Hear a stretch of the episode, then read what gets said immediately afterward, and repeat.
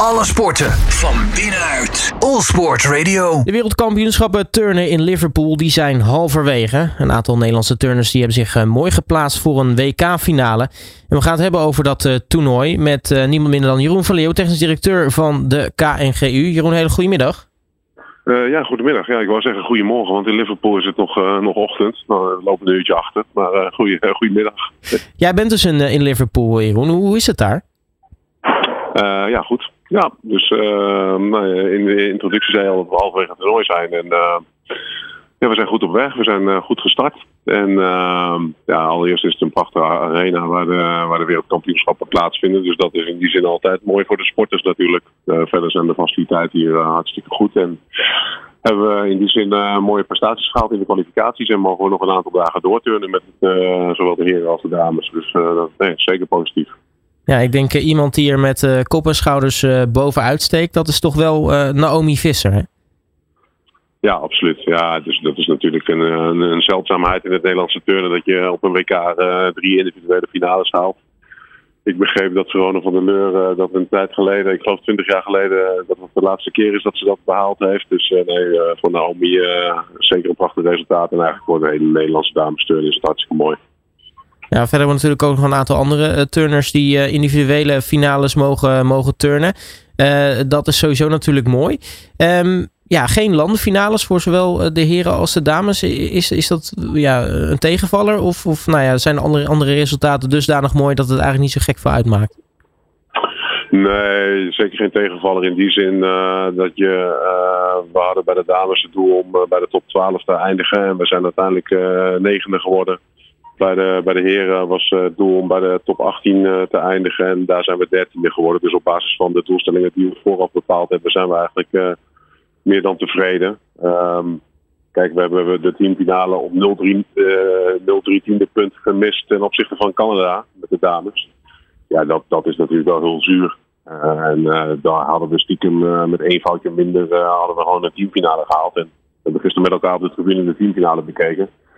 Ja, en als je dan ziet naar ons puntenaantal en datgene wat wij zouden kunnen behalen, ja, dan hadden we wellicht in de teamfinale ook nog wel een hele mooie plek kunnen behalen. Maar goed, al stelt niet, hè.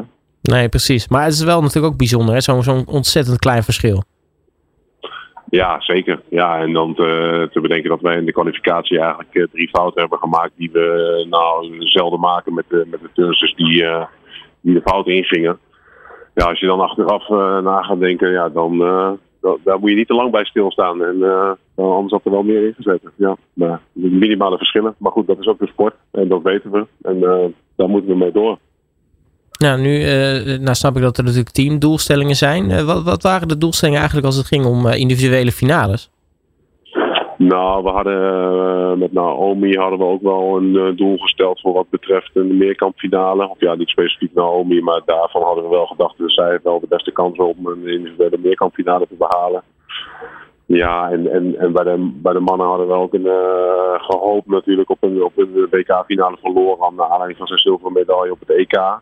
Uh, maar je merkt wel dat de prestatiedichtheid op dit toernooi in het mondiale veld, de, ja, die is enorm. En, en de, de, verschillen zijn zo klein. Uh, dus ja, we hadden als doel eigenlijk, uh, wat ik net zei, top 18 de heren, top 12 dames en twee keer een finale. Ja, en, en, nu staan we met zeven finales. Nou, dat is wel echt een ongekende prestatie. Dus dat is, dat is prachtig voor de, voor de sporters en de staf. Ja, want uh, de, de, nou ja, de, gymnastiek heeft natuurlijk een eh, wat, wat ruige tijd uh, achter de rug. Wat dat betreft een mooi opsteker dat de doelstellingen best wel mm, ja, aardig overtroffen zijn, laat ik het zo zeggen. Ja, zeker. Kijk, en ik ben natuurlijk in mei begonnen als technisch directeur. En met twee bondscoaches gestart die eigenlijk ook nieuw waren. Ja, dan is het uiteindelijk een proces die je instart waarbij we de eerste focus op het EK hadden om uh, te hopen dat we daar in ieder geval weer van ons deden spreken. Ook uh, met plaatsing richting het WK. Nou, dat dat bij de heren toen de tijd gelukt is, dat was eigenlijk al een hele mooie stap. En bij de dames zagen we dat ook vooral als een nieuw begin. Ja, en dat we dan nu uiteindelijk met twee teams op het WK staan was al heel mooi. Dat we uiteindelijk de doelstellingen halen. En dat we op basis daarvan ook zien dat er veel potentie en veel perspectief is. Ja, dat biedt alleen maar veel, ja, veel, of dat geeft veel energie voor de toekomst. Dus, en, en, en, helemaal waar we vandaan komen, waar ik zelf heel erg blij mee ben, is dat het ook weer over de sport gaat en dat het over de sporters gaat. En dat is datgene wat we, wat, ja, wat we willen. En zo moet het uiteindelijk ook zijn. Ja, hoe, hoe ziet het leven van een technisch directeur er op zo'n toernooi eigenlijk uit? Ja, nou, best aardig eigenlijk.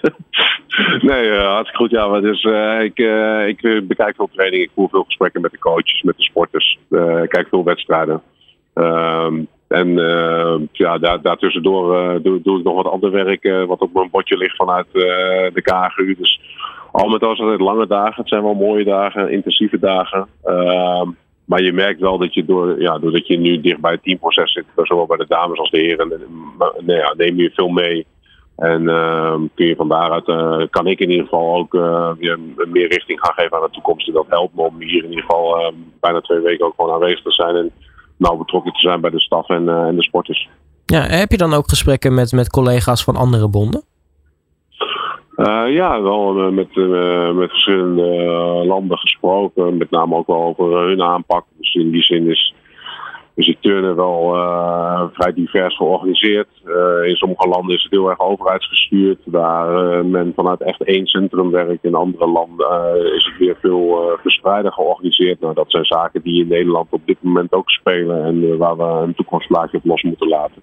Dus dat helpt mij in ieder geval wel om ook de verschillen van de andere landen mee te nemen.